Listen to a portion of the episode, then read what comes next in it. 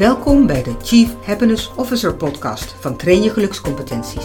Mijn naam is Veronique Kilian en ik ben uw gastvrouw voor deze podcast. Ik ga in gesprek met vernieuwers op het gebied van werkgeluk. Ik leg contact met leiders die werkelijk verder durven te brengen, inspirerende sprekers die gelukscompetenties trainen, samenwerkers die teams faciliteren om met plezier te werken. Wil jij werkgeluk vergroten voor jezelf, je team en je organisatie?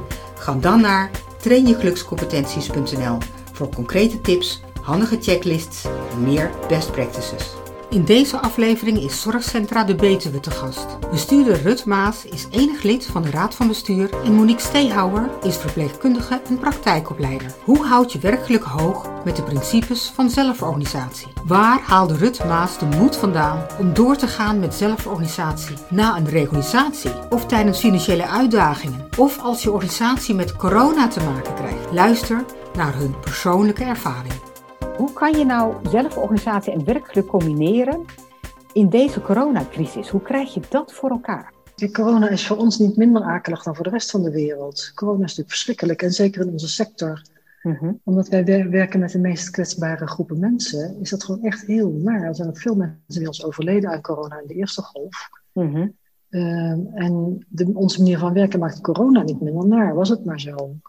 Ik mhm. denk wel dat nare tijden in je leven eh, of dat nou op je werk of privé is, ehm, extra naar zijn als je het gevoel hebt dat er iets overkomt waar je weinig invloed op hebt. Mhm. En ik ben ervan overtuigd dat onze manier van werken, waarbij wij met zelfsturende teams werken, maakt dat je meer invloed hebt op wat er gebeurt. Niet, niet zozeer dat er corona is, maar wel de manier waarop ermee omgegaan wordt. Mhm. Dus het, het, gevoel dat je slachtoffer of dat je een uh, leidend voorwerp bent, is denk ik bij ons in de organisatie minder groot dan een organisaties die sterk hiërarchisch zijn ingericht. Dus ik denk dat daardoor het werkplezier, het werkgeluk minder wordt aangetast door corona dan in veel andere organisaties. Hm. Oké. Nou, dat is een mooi bruggetje naar uh, uh, de vraag: uh, kunnen jullie iets vertellen over een moment van de afgelopen weken waarin je echt dat werkgeluk hebt ervaren? Wat was dat voor jou, Rut? Samen dingen doen maakt wel dat ik gewoon heel veel plezier en uh, tevredenheid in mijn werk ervaar. Dus weer gaan werken, mijn collega's weer ontmoeten, alles dan digitaal. Ik zou natuurlijk veel liever live ontmoeten, maar weer het gevoel hebben dat je ergens bij hoort en dat je met elkaar betekenisvol werk doet. Uh, Wat ook gewoon echt het verschil maakt voor mensen. Mm daar haal ik wel heel veel plezier en geluk uit. Ja, zodra ik klik op het uh, verbindtekentje van uh, de teamsbijeenkomst en ik zie mijn collega's weer, heb ik een enorme smile op mijn gezicht en denk, yes, hm. ik mag weer met mijn fijne collega's aan de slag. Top. Nou, super.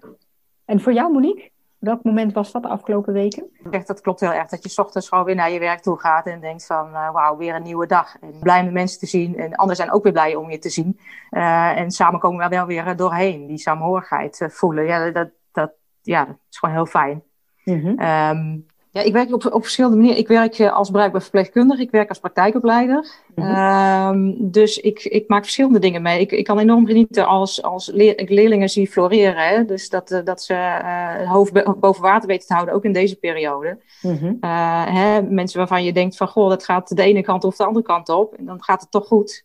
En dan zie je ze gewoon groeien. Dus dat is niet één moment misschien om te benoemen, maar dat, als praktijkopleider vind ik dat natuurlijk fantastisch. Mm en als verpleegkundige weet je, dat, dat kan hem in de hele kleine dingen zitten. Die, uh, die uh, bij een mevrouw of een meneer komen die ernstig benauwd zijn. En, en jij komt even als verpleegkundige binnenzetten. En dat kan dan toch dat stukje verlichten en iemand van zijn benauwdheid af. Dus ehm, alle dingen die ik doe, daar zit iets van geluk in. Mm Oké, dat is mooi hè? Micro-momenten van geluk die aan elkaar reikt eigenlijk. Ja, ja. ja. het hoeft niet altijd heel erg groot te zijn. Het kan ook iets heel kleins zijn. Mm die, uh, die geluksmomenten die heb ik ook een beetje zitten uh, bekijken in een artikel wat over jullie geplaatst is. En ik vond daarin verschillende gelukscompetenties die jullie toepassen. En ik heb er eentje uitgekozen en dat is de gelukscompetentie spelen. Spelen als gelukscompetentie betekent dat er dus heel veel ruimte is om te doen wat je leuk vindt. Hè, dus dat de regels niet verstikkend zijn. Dat je ook echt met veel plezier werkt dat er levensvreugde is, hè, dat je dat kan ontwerpen, zeg maar, op het werk. En uh, een van de dingen die mij triggerde was het begrip functionele feestjes. Kunnen jullie daar wat meer over vertellen? Wat zijn functionele feestjes? ik zie jullie lachen, dus dat, ja. dat klinkt al. ja, functioneel klinkt. Nou ja, het, het zijn feestjes die dus letterlijk functioneel zijn. Um, zo zijn ze ooit begonnen. Inmiddels uh, mag je zelf uh, per locatie kijken hoe je het noemt. Um, ik heb toevallig uh, vorig jaar zelf in de organisatie gezeten van een functioneel feestje. Het is gewoon een hele leuke manier om kennis over te dragen via een soort van festivalachtig type op locatie. Mm -hmm. um, en waarin je gewoon kennis overbrengt door de mensen die je eigenlijk al in huis hebt. En dat klinkt dan. dus wij hebben zoveel mensen met kennis en, en, en die wil je eigenlijk graag overdragen. En eigenlijk moet je dan allerlei soorten workshops organiseren, waar iedereen zich dan uh, uh, voor in kan schrijven. Dus wat, wat interesseert jou? Wat vind jij leuk? Waar wil je meer kennis over opdoen? En dan bieden we workshops aan vanuit intern dus. Dus mensen die gewoon bij ons in dienst zijn. Um, en dan kun je bij aansluiten. En dan kun je dus uh, extra kennis ophalen. Mm Dus um, tegelijkertijd is een hapje en een drankje elkaar ontmoeten. Want verbinden, dat is natuurlijk heel erg belangrijk. Um, en wat ik er zo leuk aan vind, is dat alles door elkaar er is. Dus van uh, de vrijwilligers uh, tot de artsen loopt rond, uh, zorg, directie loopt rond. Het is gewoon een ontzettend leuke combi. Is dat dan ook voor de hele organisatie? Is dat dan voor die 900 mensen? Nee, dat hebben we per locatie. Ja, oh, oké. Okay. Te veel. Ja. het grappige van de functionele feestjes is dat ook het bedenken van het functionele feestje als in zekere zin al spelen, in de zin van uitproberen Mhm. En mislukken en weer uitproberen en weer mislukken. Mhm. Want oorspronkelijk, um, toen wij Rijnlands gingen werken, hadden we wel al snel door dat het heel belangrijk is om uit te wisselen. Mhm. Om te zorgen dat je van elkaar leert. Leren is, cruciaal in onze organisatie. Uh, alleen uh, het faciliteren van het uitwisselen en van elkaar leren, dat bleek nog niet zo simpel te zijn. We zijn begonnen namelijk met inderdaad op organisatieniveau allerlei bijeenkomsten te organiseren. Maar er kwamen verschrikkelijk weinig mensen opdagen. En het was voor ons ook wel echt af en toe een bittere pil om dan niet heel gefrustreerd te raken. Want het waren echt ontzettend leuke bijeenkomsten waarvan alles nog wat te doen eh, viel. Eh, en toch kwam er bijna niemand. Hm. En dat, voor mezelf was dat ook echt wel een leerpunt geweest om dan niet te blijven hangen in uh, pot voor drie ze komen, niet ze zijn weer niet geïnteresseerd. Dat je dat soort gemopper wat je dan toch bij je voelt opkomen. Mhm. Maar echt te bedenken van blijkbaar is wat we organiseren niet uh, het goede middel. Ja. En uh, toen hebben, zijn we dus gaan, gaan uitproberen met op kleinere schaal. Dus niet op organisatieniveau, maar op locatieniveau. En dat zijn de functionele feestjes geworden. Ja. Wel wat moeilijk uh, op gang, want in eerste instantie was het nog wel even zoeken van wie heeft nou zin om dat te organiseren. Want het is wel echt de bedoeling dat het ook van de mensen op, op locatie is. Maar na twee keer, geloof ik, was het echt zo'n doorslaand succes en werd er met zoveel plezier en uh, enthousiasme over gesproken dat het uh, vanaf dat moment gewoon op alle locaties georganiseerd wordt. Nou, superleuk. Nou, dan is er nog iets anders. namelijk, ik las ook onder het mom van spelen. Hè? Dus je hoeft dan de regelgeving die zinloos is, kan je dan loslaten. En een van de dingen die jullie hebben losgelaten is het skippen van lijstjes bijhouden. En over welke lijstjes hebben we het dan? Hè? Want hoe gaan jullie om met administratie? daar staat de zorg natuurlijk heel bekend om. Hè? Dat er heel veel administratie is. Nou, dat vind ik mhm. ook echt wel een onderwerp waar we nog veel, zouden, veel verder zouden kunnen gaan. Hoor. Ik hoop in de toekomst daar nog wel verdere stappen in te zetten. Maar vanaf het begin van uh, het Rijnlandse werken in onze organisatie hebben we ook echt gezegd: um, het gaat niet om um, uh, het, het, lijstje aan zich, het gaat niet om het afvinken. Het gaat om wat is de bedoeling van dat lijstje. Uh, dus een stevast voorbeeld wat ik daar graag bij gebruik is het temperatuurlijstje voor de koelkast. Uh, elke dag als je dienst om 7 uur begint, moet je dus eigenlijk beginnen met de temperaturen van de koelkast. En dan hangt er naast de koelkast een aftekenlijst. Dan moet je de temperatuur van de koelkast opschrijven. Je moet aangeven of die binnen de bandbreedte was, ja of nee. Zo niet wat je gedaan hebt om hem weer binnen de bandbreedte te krijgen. En als dat na drie keer nog niet gelukt is, moet je aangeven wat je als vervolgactie hebt. Nou, enzovoorts. Dat is natuurlijk belangrijk en zinvol Alleen, het is niet belangrijk en zinvol om te weten wat de temperatuur van een koelkast is. Het is belangrijk en zinvol om iets aan voedselveiligheid te doen. Want dat is natuurlijk de bedoeling van zo'n lijstje. Mhm. En ik vind dus de vraag, heb je het lijstje afgetekend, niet interessant. En voor mij hoeft ook niemand dat lijstje af te tekenen. Maar ik vind de vraag wel interessant. Hoe ga je met je team om met voedselveiligheid? En welke activiteiten doe je met elkaar? Welke afspraken heb je samen gemaakt? Om te zorgen dat de voedselveiligheid in orde is voor onze kwetsbare groep bewoners. Dat is wel interessant. Dus we proberen echt te zoeken naar wat is nou, welk doel dient uh, een uh, administratieve handeling Want het gaat niet om de die verandering zelf, het gaat om het doel wat je probeert te bereiken daarmee. Ja, nou, een heel helder voorbeeld, dankjewel. En uh, dan nog een vraag aan Monique. Ik las ook dat er gezegd wordt, het is zo leuk om hier te doen wat je leuk vindt. Hè? En dat is het grote misverstand bij werkgeluk, dat je alleen maar hoeft te doen wat je leuk vindt. Maar ja, er zijn natuurlijk ook heel veel dingen die je moet doen die je niet leuk vindt. En hoe gaan jullie daarmee om? Ja, het is inderdaad een misverstand dat je alleen maar kunt doen wat je leuk vindt. Uh, maar je kunt wel als team gaan kijken van, goh, hoe kunnen we nou uh, onze taken bijvoorbeeld verdelen? En dan kun je natuurlijk wel heel sterk kijken, goh, waar ben jij nou goed in en wat vind jij nou leuk om te doen? Het maakt wel dat je daar ehm, je wel wat meer en beter voor inzet natuurlijk. En dan blijven nog altijd dingen over die, ehm, die ook nog gewoon moeten gebeuren. Um, en, en weet je, ik, ik heb eigenlijk bijna niemand erover gehoord dat ze dat dan niet doen. Of uh, uh, van, nou, dat vind ik minder leuk. Tuurlijk, er zit minder motivatie misschien achter. Maar ja, we vinden het allemaal niet uh, altijd leuk om schoon te maken of iets dergelijks. Ja, mm. dat moet je met elkaar ook delen. Dus het is belangrijkste wat je leuk vindt, dat je dat ook vooral doet. Dus dat je mm -hmm. daar veel energie en, en dergelijke uithaalt. Um, maar nee, de dingen moeten gewoon gebeuren zoals ze moeten gebeuren. Dan moet je als team met elkaar afspreken. Als ik het ergens niet mee eens ben, dan moet ik het gesprek aangaan. Dat vind ik nog wel eens lastig. Um, dus dat misschien vind ik dat wat minder leuk om te doen. Maar uiteindelijk ben ik toch altijd blij dat ik het doe. Ja. Um, dus, dus misschien dat wel. Ja. Ja. ja, dat gesprek aangaan, dat is een, een centraal thema hè, bij jullie. Dat vind ik wel heel mooi, mm. omdat jullie investeren zo ontzettend in het gesprek aangaan. Uh, daar heb je ook nog even kort iets over gezegd, hè, voordat we begonnen met dit uh, interview. Uh, dat jullie onder andere daar de teamcoaches voor gebruiken. Want uh, als ik kijk op de site van Zorgcentra de Betuwe, staat er een organogram. En dat laat geen traditioneel harkje zien, maar een cirkel. En in het midden van die cirkel staat de cliënt. En die is omgeven door een cirkel van zorgteams en vrijwilligers, maar ook familie- en mantelzorgers. Hè, die staan dan als het ware om die cliënt heen. En wat dan opvalt, is dat zij worden omhuld hè, als medewerkers en vrijwilligers door een schil van teamcoaches. En dan daarna uh, een schil van het managementteam. Dus het managementteam houdt eigenlijk de structuur vast en die bewaakt dat die uh, teamcoaches uh, er voor die medewerkers en vrijwilligers kunnen zijn. Je had al iets losgelaten hè, over het gesprek aangaan en dat teamcoaches daar echt bij helpen. kan je iets erover vertellen? Want welke meerwaarde hebben de teamcoaches? Toen we natuurlijk richting uh, zelfsturing gingen, zelf organiseren, het Rijnlandse denkmodel, uh, dan, toen zag je ook wel dat binnen teams er wat dingen boven tafel kwamen. Hè? Dat er dus ook wel af en toe ruzie was of dat mensen het niet met elkaar eens waren. En die waren natuurlijk, um, die zijn natuurlijk niet alleen in het Rijnland, die zijn er natuurlijk daarvoor ook al geweest. Die werden een beetje onder het tapijt geveegd. En je merkte dat binnen het Rijnland ze het veel belangrijker vonden om elkaar, met elkaar het gesprek aan te gaan. Dus um, ja, hoe doe je dat dan als je dat eigenlijk niet gewend bent hè, om elkaar uh, met elkaar in gesprek te gaan? Dus daar heb je teamcoaches eigenlijk gewoon echt voor nodig om je daarin te begeleiden. Hoe ga ik nou goed het gesprek aan? Um, en hoe ga ik nou mijn frustraties uiten tegenover die ander? En, um, ja, en dergelijke. Dus uh, vooral heel belangrijk dat teamcoaches uh, vooral op de relatie zitten.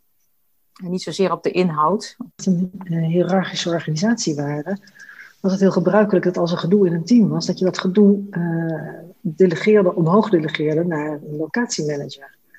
Dus dan vroeg je eigenlijk de locatiemanager om een conflict tussen twee collega's op te lossen. Dus ik mm -hmm. dan wel eens zo'n beetje raar, alsof je thuis aan de buurman gaat vragen om je relatieconflicten uh, te fixen. Mm -hmm. Dus het is ook heel logisch dat je dat zelf doet. Alleen het is natuurlijk wel zo dat niet, omdat we dat ook zo lang niet meer gewend zijn, ik denk dat in heel veel organisaties het helemaal niet meer gebruikelijk is dat je gewoon je eigen conflicten zelf uitvecht. Mm -hmm. Of oplost, dus beter gezegd. Mm -hmm. uh, dat het wel helpt om dat te leren met behulp van de coaches. Waarbij de inzet, wat mij betreft, is om mensen te helpen om het zelf te gaan doen. Mm -hmm. Ja. Het is natuurlijk eigenlijk heel vanzelfsprekend dat je gewoon zelf je uh, vraagstukken die je hebt met iemand oplost. Ja, dus bij ons in de organisatie, wat wij doen voor onze cliënten is maatwerk. Dus wat wij doen voor elkaar is ook maatwerk. Mm -hmm. Dus op maat voor, het team, afhankelijk van wat het team waar het behoefte aan heeft. Ja, dus het kan ook gewoon op de manier dat ze gewoon, uh, gewoon binnenlopen en gezellig een kopje koffie komen drinken. Mm -hmm. En het gesprek, uh, dat hoeft niet per se uh, altijd op afspraak of ingewikkeld te zijn. Mm -hmm. um, dus, dus ja, zo zeg maar. Dus, dus je kan er inderdaad zelf om, om vragen. Uh, uh, met werkoverleg kun je vragen aansluiten als je dat fijn vindt. Ja. Uh, maar ze maken ook wel zelf gewoon contact. Ja.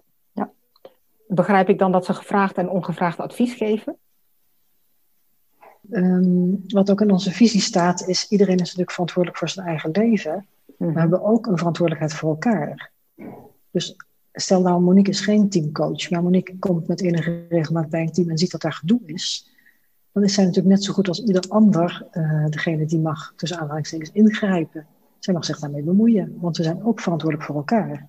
Als je mhm. ergens ziet dat er iets niet goed gaat, dan doe je, probeer je te doen wat nodig is. En dat geldt voor de coaches, maar dat geldt eigenlijk voor iedereen. Mm En coach heeft natuurlijk wel een specifieke rol daarin.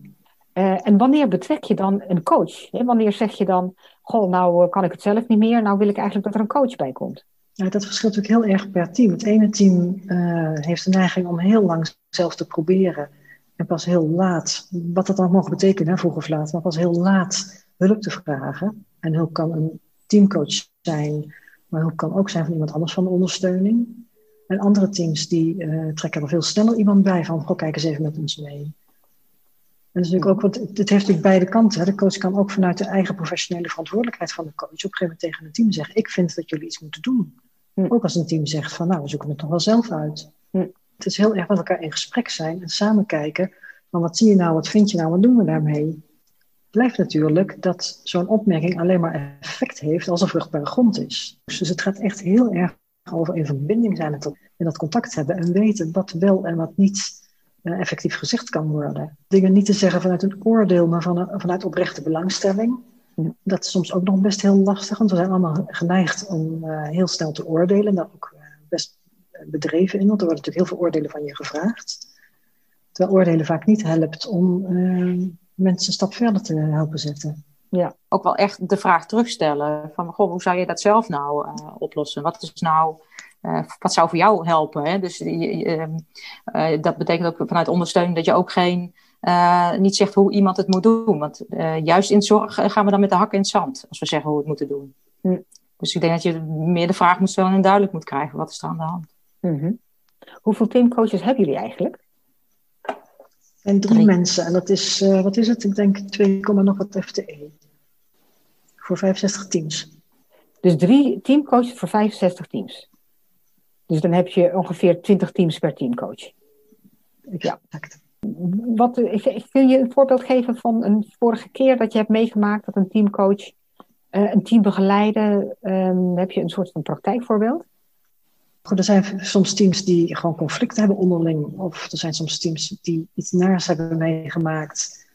Uh, en daardoor gewoon echt even met elkaar in een dip zitten. En er zijn soms teams waar het op een gegeven moment toch clasht. Uh, waarvan je denkt, het gaat daar heel lang al heel goed. En dan komt er iemand bij of er gaat iemand uit en dan gaat het helemaal niet meer goed. Of um, misschien is wat ik vooral probeer te zeggen, laten we niet te zwaar maken als er een coach bij komt dat het niet goed zou gaan met het team. Want elk team heeft natuurlijk zijn eigen ontwikkeling.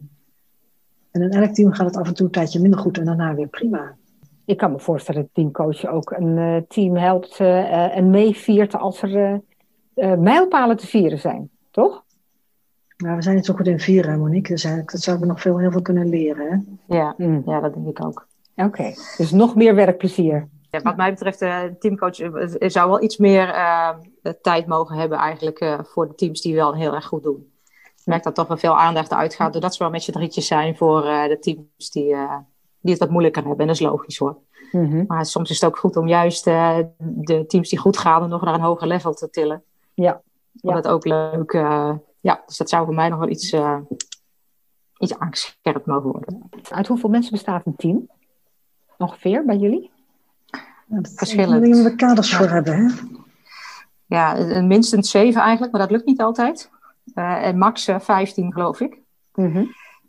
um, dus volgens mij is dat het, uh, dat het eh, kader ooit geweest toen we starten. Ja, ja. minimaal zeven personen bevatten. Of, ja, ja. ja max 15 is drie, dus ik vind dat we terug moeten naar het minimum van drie. Ja, moeten we daar terug naar drie. ja, ja. Nou, ik kan me voorstellen dat je dan als je een teamcoach uh, bent uh, dan, en je hebt de zorg voor 20 teams, dan heb je het over ongeveer een gemiddelde van 10 mensen per team. Hè? Dus dan heb je het over zo'n 200 mensen, zeg maar. Waar je dan uh, aandacht aan geeft, waarbij het ene team wat meer aandacht nodig heeft dan het andere. Ja, ja dat klopt. Nou, dat is, dat is wel heel mooi hoe jullie dat dan doen met het in gesprek gaan. Jullie hebben net wat praktijkvoorbeelden gegeven hè, van, van teams die aan de slag gaan met een teamcoach. Welke resultaten heb je gezien van de interventies van de teamcoaches nadat ze mensen geholpen hebben om weer met elkaar in gesprek te komen? Nou ja, ik heb, ik heb al gezien een team wat wel echt behoorlijk uh, diep, diep zat. Ehm, daar was van alles aan de hand op meerdere vlakken. Uh, dat de interventie van de, de coach er wel voor hebben gezorgd dat, dat ze uiteindelijk bij elkaar konden blijven. Uh, en uiteindelijk wel weer uh, een team zijn geworden. Hè, 100% is het niet, maar wel weer dat het functioneert. En dat ze werken aan hun, hun nou ja, goed, in ieder geval probleempjes met elkaar en met alles wat speelt. Dus dan denk ik wel dat het gewoon echt wel top is dat je, dat je zo'n team weer op de rails krijgt. Hè. Tenminste, dat doen ze natuurlijk ook grotendeels zelf, maar dat is natuurlijk wel ook de verdienste van zo'n teamcoach. Dus het is niet zo dat um, de teamcoach als solist zo'n team helpt. Vaak zit er nog in diezelfde schil een heleboel andere mensen omheen. Mm-hmm. Die ook een bijdrage daaraan uh, leveren. Dat past ook heel erg bij ons, want wij net al op dezelfde manier werken wij natuurlijk rondom cliënten multidisciplinair. Mm-hmm. En dat doen we ook rondom de collega's. Ja, nou, dat laat weer zien hè, dat jullie als leefgemeenschap, hè, zoals jullie het omschrijven, op de site eh, met elkaar samenwerken. Ja, en ik, ik blijf het mooi vinden dat, dat jullie zo expliciet in het organogram de teamcoaches als een schil om de medewerkers hebben neergezet. Hè? Dus dat, dat ziet er echt uit als een, een warme schil eh, waarin die ondersteuning ook daadwerkelijk wordt geborgd en uh, die wordt geboden. Dus uh, mijn complimenten daarvoor. Heel mooi om dat zo te zien. Dank je. Dankjewel. En nu duidelijk is geworden dat jullie onder andere de teamcoaches gebruiken om het echte gesprek aan te gaan. Hè? Met name als er frustraties zijn, negatieve emoties, als er ruzies zijn, er conflicten zijn. Hè? Om toch dwars daardoorheen die samenwerking uh, zeg maar in de flow te laten verlopen. Nou, ik kan me voorstellen dat dat heel veel ontgint. En tegelijkertijd hebben we ook nog de realiteit van de alle dag. Want als ik kijk op dit moment in, uh, in zorginstellingen, dan gaat het heel veel over termen als productiviteit, doelmatigheid, bezuinigingen. En hoe gaan jullie daarmee om in het kader van zelforganisatie? Die woorden gebruiken wij gewoon niet meer. Dat helpt enorm. jullie gebruiken het niet, maar is het dan ook niet meer aanwezig? Nou, wat bij ons echt een wezenlijk onderdeel is van het Rijnlands werken en organiseren, is dat het team zelf verantwoordelijk is voor het eigen budget. Dus elk team heeft gewoon een budget, zowel voor zijn materiële zaken als voor de inzet van uh, mensen. Uh, en daar heb je het af en toe met elkaar over om te kijken, lukt het om binnen die kaders te blijven? Want dat betekent dus dat je niet meer um, grootschalige bezuinigingsoperaties of zo. Het wordt bezuinigd. Ik kan me niet heugen wanneer we dat voor het laatst gebruikt hebben. En hoe is dat voor jou, Monique? Ja, um, wij, wij zijn echt uh, teruggegaan naar basis. Waar zijn wij van? Wij zijn van zorg leveren en uh, dat moet gewoon goed zijn. En um, of dat nou met allerlei termen uh, neergezet wordt, nee is niet, niet interessant meer. Dus budget, ja, je weet waar je aan, moet houden, dan ga je eroverheen. Ja, dan ga je eroverheen. Uh, bedoel, dan zal er een goede reden voor zijn. Dan moet je de maand erop maar weer even wat strakker de broekriem aantrekken.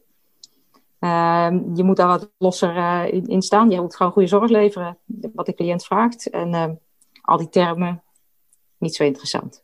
In principe hebben we een heel eenvoudig verdeelsysteem. Namelijk het geld wat meekomt met de cliënten, met de bewoners die je hebt. Dat heb je ook om in te zetten en daar lever je de zorg van die nodig is. Inderdaad, soms kan het uit en soms kan het niet uit. Maar precies wat Monique zegt, als het even niet uitkomt, dan moet je eigenlijk een andere keer zorgen dat je wat bespaart. Want uiteindelijk moet je wel min of meer uitkomen. Hoe doe jij het als het gaat om het budget? Hoe, hoe moet ik me dat voorstellen in jouw team hè, als verpleegkundige? Ja, wij hebben natuurlijk, uh, als ik over, over inderdaad mijn uh, team waar ik in zit uh, van bereikbaar verpleegkundigen, is dat wij kijken naar wat is er nodig. Uh, en uh, wat uh, kost dat?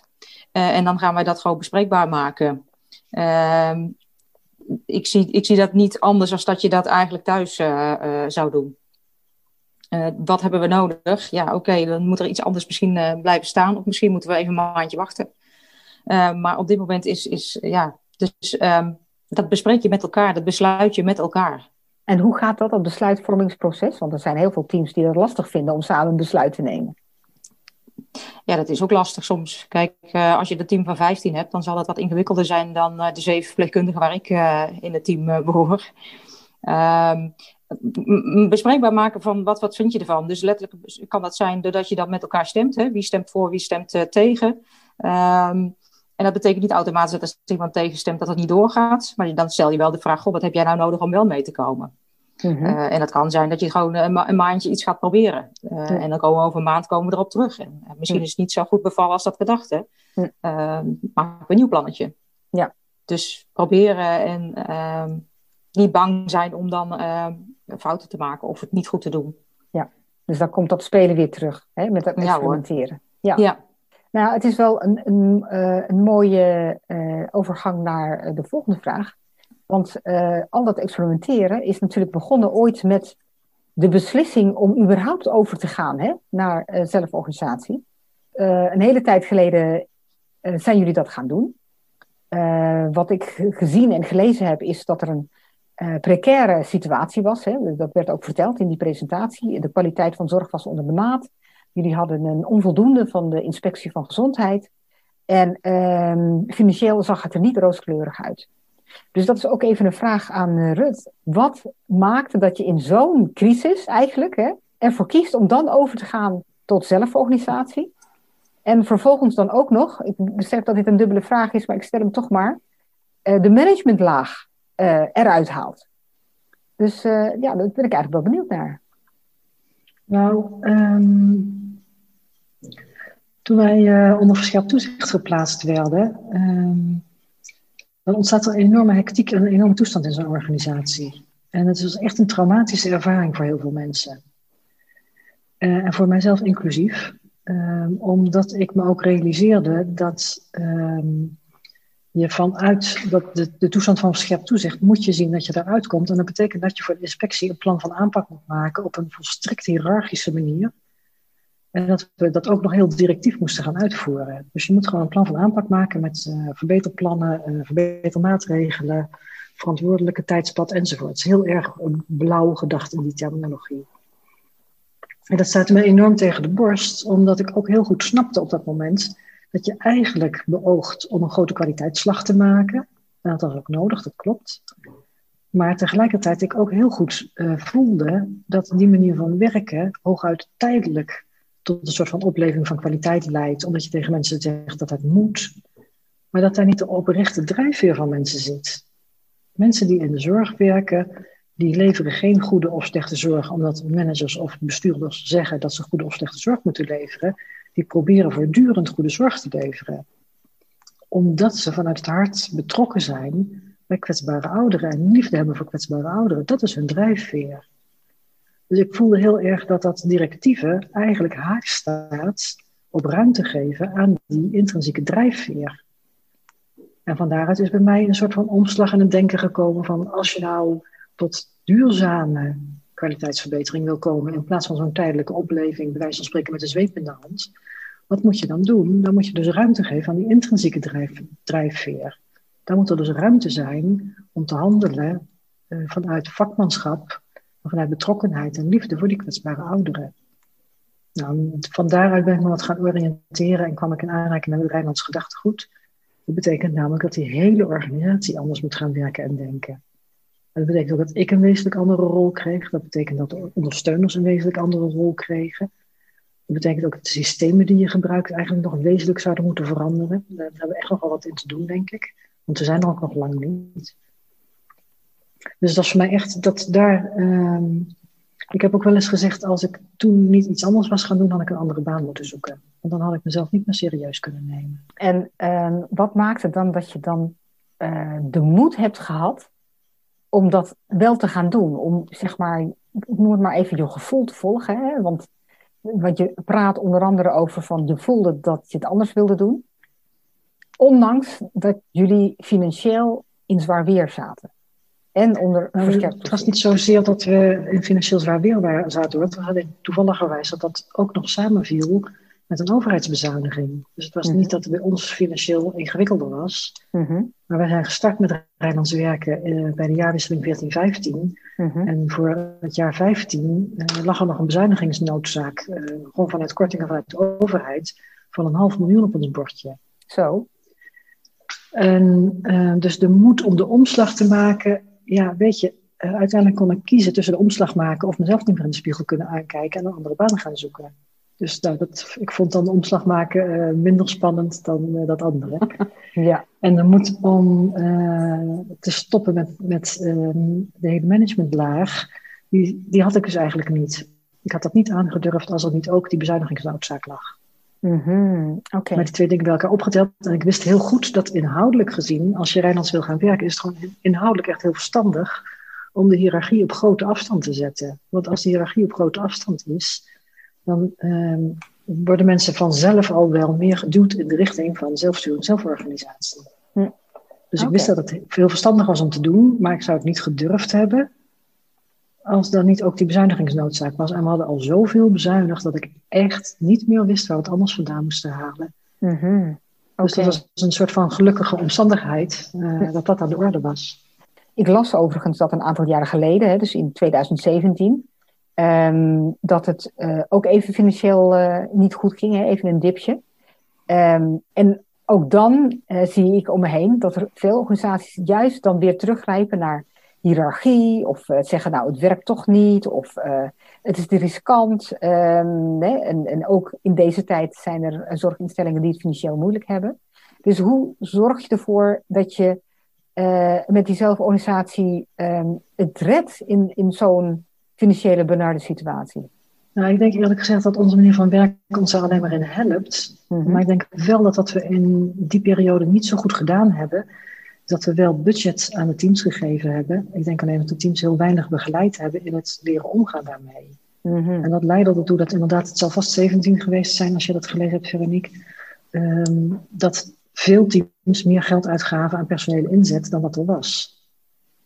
En dan kan je dus twee dingen doen. Dan kan je zeggen, uh, de manier van werken werkt niet, het Rijnlands werkt niet. Je kan ook zeggen, um, de teams zijn nog onvoldoende uh, vaardig in het hiermee omgaan.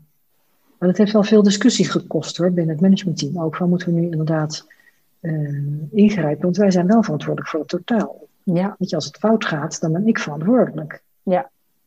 Alleen, we hebben ook gekozen om de sturing aan andere mensen in handen te geven. En ik vind, ik heb er bewust voor gekozen om de sturing uit handen te geven, terwijl ik wel verantwoordelijk ben. Mm-hmm. En als ik daar lijden aan ervaar, dan moet ik maar zien dat ik met dat lijden omga. Maar dan moet ik niet onmiddellijk die sturing terugpakken. Dus wat we uiteindelijk gedaan hebben, is dat we met teams in gesprek gegaan zijn, opnieuw.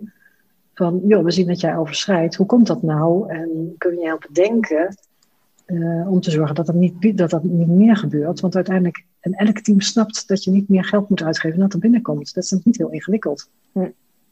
Dus alleen vaak, dan, het was toen in ieder geval toch vaak de, um, nou, het gebrek aan uh, handigheid of uh, ervaring om daar de goede middelen voor te vinden. En daar en om gewoon te zorgen dat je niet meer inzet dan wat er nodig is. Wat heel erg geholpen heeft, ik zat toen ook nog in een zorgteam, Mhm. um, is dat er echt inzichtelijk is gemaakt. Wat kost het nou als je bijvoorbeeld uh, één uur te veel inzet per dag?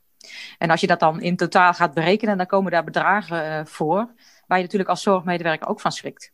Ja. En waarvan je ook snapt dat dat niet lang kan duren, want dan vallen we om. Uh, dus inzichtelijk maken wat het dan betekent, hè, dat ene uurtje wat je extra inzet, uh, maakt het wel dat je ging kijken naar wat zijn andere mogelijkheden. Dus uh, ons team heeft dat toen wel heel erg geholpen, omdat ja, als je iets ziet en letterlijk op papier ziet staan, dan snap je waarom het niet kan. Welke andere mogelijkheden hebben jullie gebruikt toen? Nou, kijk, het, het, uh, personele inzet zat hem vooral in extra inzet. Dus uh, uh, roepen om hulp omdat je het niet meer redt. terwijl je ook met, met het team kan gaan kijken van wat is nou eigenlijk echt nodig. Hè? Want het zit hem dan vaak in de cliënt die onbegrepen gedrag vertoont. Hè? Dus we moeten extra ondersteuning hebben vanwege agressief gedrag of dergelijke. We kunnen als team ook gaan kijken wat wij zelf kunnen doen rondom dat gedrag. Wat wij zelf nog kunnen leren. Mm-hmm. En ook eens gaan kijken van uh, hoe, hoe benaderen we mensen nou? Uh, we moeten meer hulp hebben van bijvoorbeeld psychologen of andere mensen die ons gaan leren hoe we met dat gedrag om moeten gaan. Belevingsconsulenten. Kun je ook inroepen om je eens extra te gaan helpen en eens te komen kijken van goh, waar gaat het nou mis bij deze cliënt? Zodat je het ook zelf kunt oplossen en je naar je, naar je eigen gedrag kan gaan kijken. Mm. Ik denk dat, dat dat vooral heel veel oplossing biedt in plaats van altijd maar de extra handen. En ik denk dat daar wel heel veel teams daar zich bewust van zijn geworden. Want de neiging om dan weer toch weer terug te grijpen naar hiërarchie, was die er uh, überhaupt? Bij de teams? Nee, dat was de, de, de neiging was vanuit de hiërarchie om in te grijpen bij de teams. Niet andersom. Want wij zien ook eerder dat het uit de pas gaat lopen dan dat de teams dat zien over het algemeen. Oké. Teams kunnen het wel zelf zien hoor, maar over het algemeen hebben wij er toch net iets meer oog voor. Nog mhm. steeds. Mhm. Maar dat geeft ook niet. Ik bedoel, de teams zijn primair van de zorg en ze zijn ook verantwoordelijk voor hun budget. Maar het is niet erg als wij dat eerder zien. Ja. Het gaat er vooral ook daar weer om hoe je vanuit verbinding en met respect voor ieder zijn vakmanschap en in vertrouwen met elkaar dat, dat gesprek aangaat en van daaruit samen oplossingen zoekt. En de oplossingen die Monique net aangaf, zijn natuurlijk prachtige oplossingen, omdat die ook betekenen dat je de kennis van het team vergroot. Dus je slaat eigenlijk twee vliegen in één klap. Uh, je zorgt dat je uh, financieel beter in de pas blijft lopen, maar je vergroot ook de kennis en de vaardigheden van een deel van het team zelf. Dus daar wordt het werk in zekere zin ook weer leuker van. En dat is niet altijd zo hoor, maar wel vaak. Mm voor mij is de essentie van Rijnlands werken dat eh, het eigenaarschap van de zorg weer ligt bij de mensen van de zorg. Dus zij zijn ervan en het is van hun. En dat betekent dus dat het niet van al die andere mensen is. En voor mij is dat de logische gevolgtrekking vanuit uh, de erkenning dat de kwaliteit van zorg gemaakt wordt in het contact tussen cliënt en medewerker. Ik maak van achter mijn bestuurstafel geen kwaliteit van zorg. Ik kan hooguit een beetje bijdragen aan dat de teams de mogelijkheden en de ruimte hebben om die kwaliteit van zorg te bieden, maar ik doe het niet. Dus zij zijn ervan, het is van hen.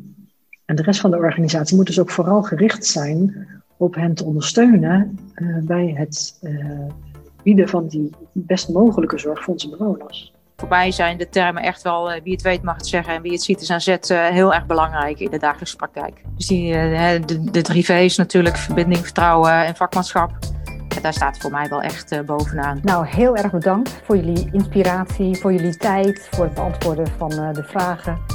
En vooral ook van het laten zien dat het kan. Hè? Laten zien dat het kan, dat je als teams met elkaar in gesprek kan en blijft. Dat jullie zo duidelijk de teamcoaches een plek geven in jullie organisatie dat jullie ze expliciet uh, benoemen ook. En uh, dat het management de teamcoaches ook zeg maar rugdekking geven om hun werk te doen. En dat jullie helemaal in dat gedachtegoed van het gesprek met elkaar aangaan en op die manier de samenwerking aangaan. Ook als het vervelend is, als er ruzies zijn, als er conflicten zijn. Dan gewoon authentiek blijven en de transformatie aangaan om met elkaar werkplezier hoog te houden en uh, in teamflow te komen. Dankjewel. Dankjewel. Graag gedaan. Word je blij van deze podcast? Abonneer je dan nu en laat een review achter en deel het met anderen op jouw social media, zodat meer mensen onze podcast kunnen vinden. Heb je ideeën, tips of wil je een onderwerp inbrengen voor deze podcast? Neem dan contact op via mail, Facebook, WhatsApp of bel. Ook als je een keer wilt proeven van een gratis 1 op 1 sessie. Alle contactgegevens vind je op de website trainjegelukscompetenties.nl. Hier kan je ook het boek Geluk op het werk, train je gelukscompetenties bestellen. Wil je nou zelf aan de slag met werkgeluk? Volg dan de opleiding tot werkgelukdeskundige en Teamflow Coach. Op onze website vind je meer informatie over hoe we jou willen inspireren met ons netwerk. Wil je meer weten over concrete handvatten, praktijkvoorbeelden van andere organisaties of Chief Happiness Officers ontmoeten? Kijk dan in de blogs of kom naar een van onze events. Tot de volgende keer!